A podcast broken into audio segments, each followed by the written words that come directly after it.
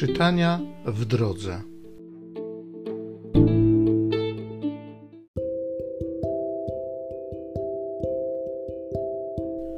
Z listu świętego Pawła apostoła do Efezjan.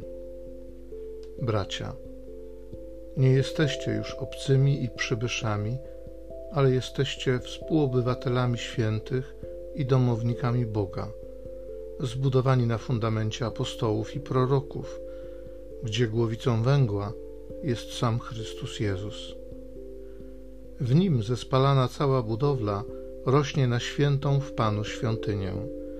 W nim i wy także wznosicie się we wspólnym budowaniu, by stanowić mieszkanie Boga przez Ducha.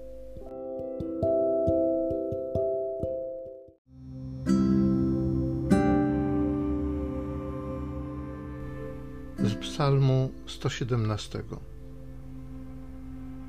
Całemu światu głoście Ewangelię. Chwalcie Pana wszystkie narody, wysławiajcie Go wszystkie ludy, bo potężna nad nami Jego łaska, a wierność Pana trwa na wieki. Całemu światu głoście Ewangelię.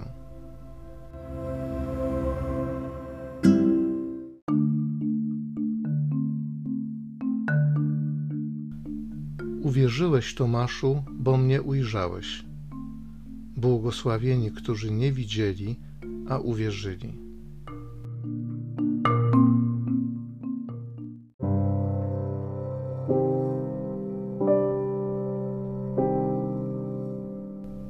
Z Ewangelii według świętego Jana.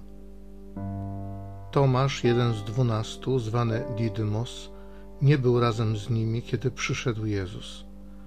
Inni więc uczniowie mówili do niego: Widzieliśmy Pana. Ale on rzekł do nich: Jeżeli na rękach jego nie zobaczę śladu gwoździ i nie włożę palca mego w miejsce gwoździ i ręki mojej nie włożę w bok jego, nie uwierzę.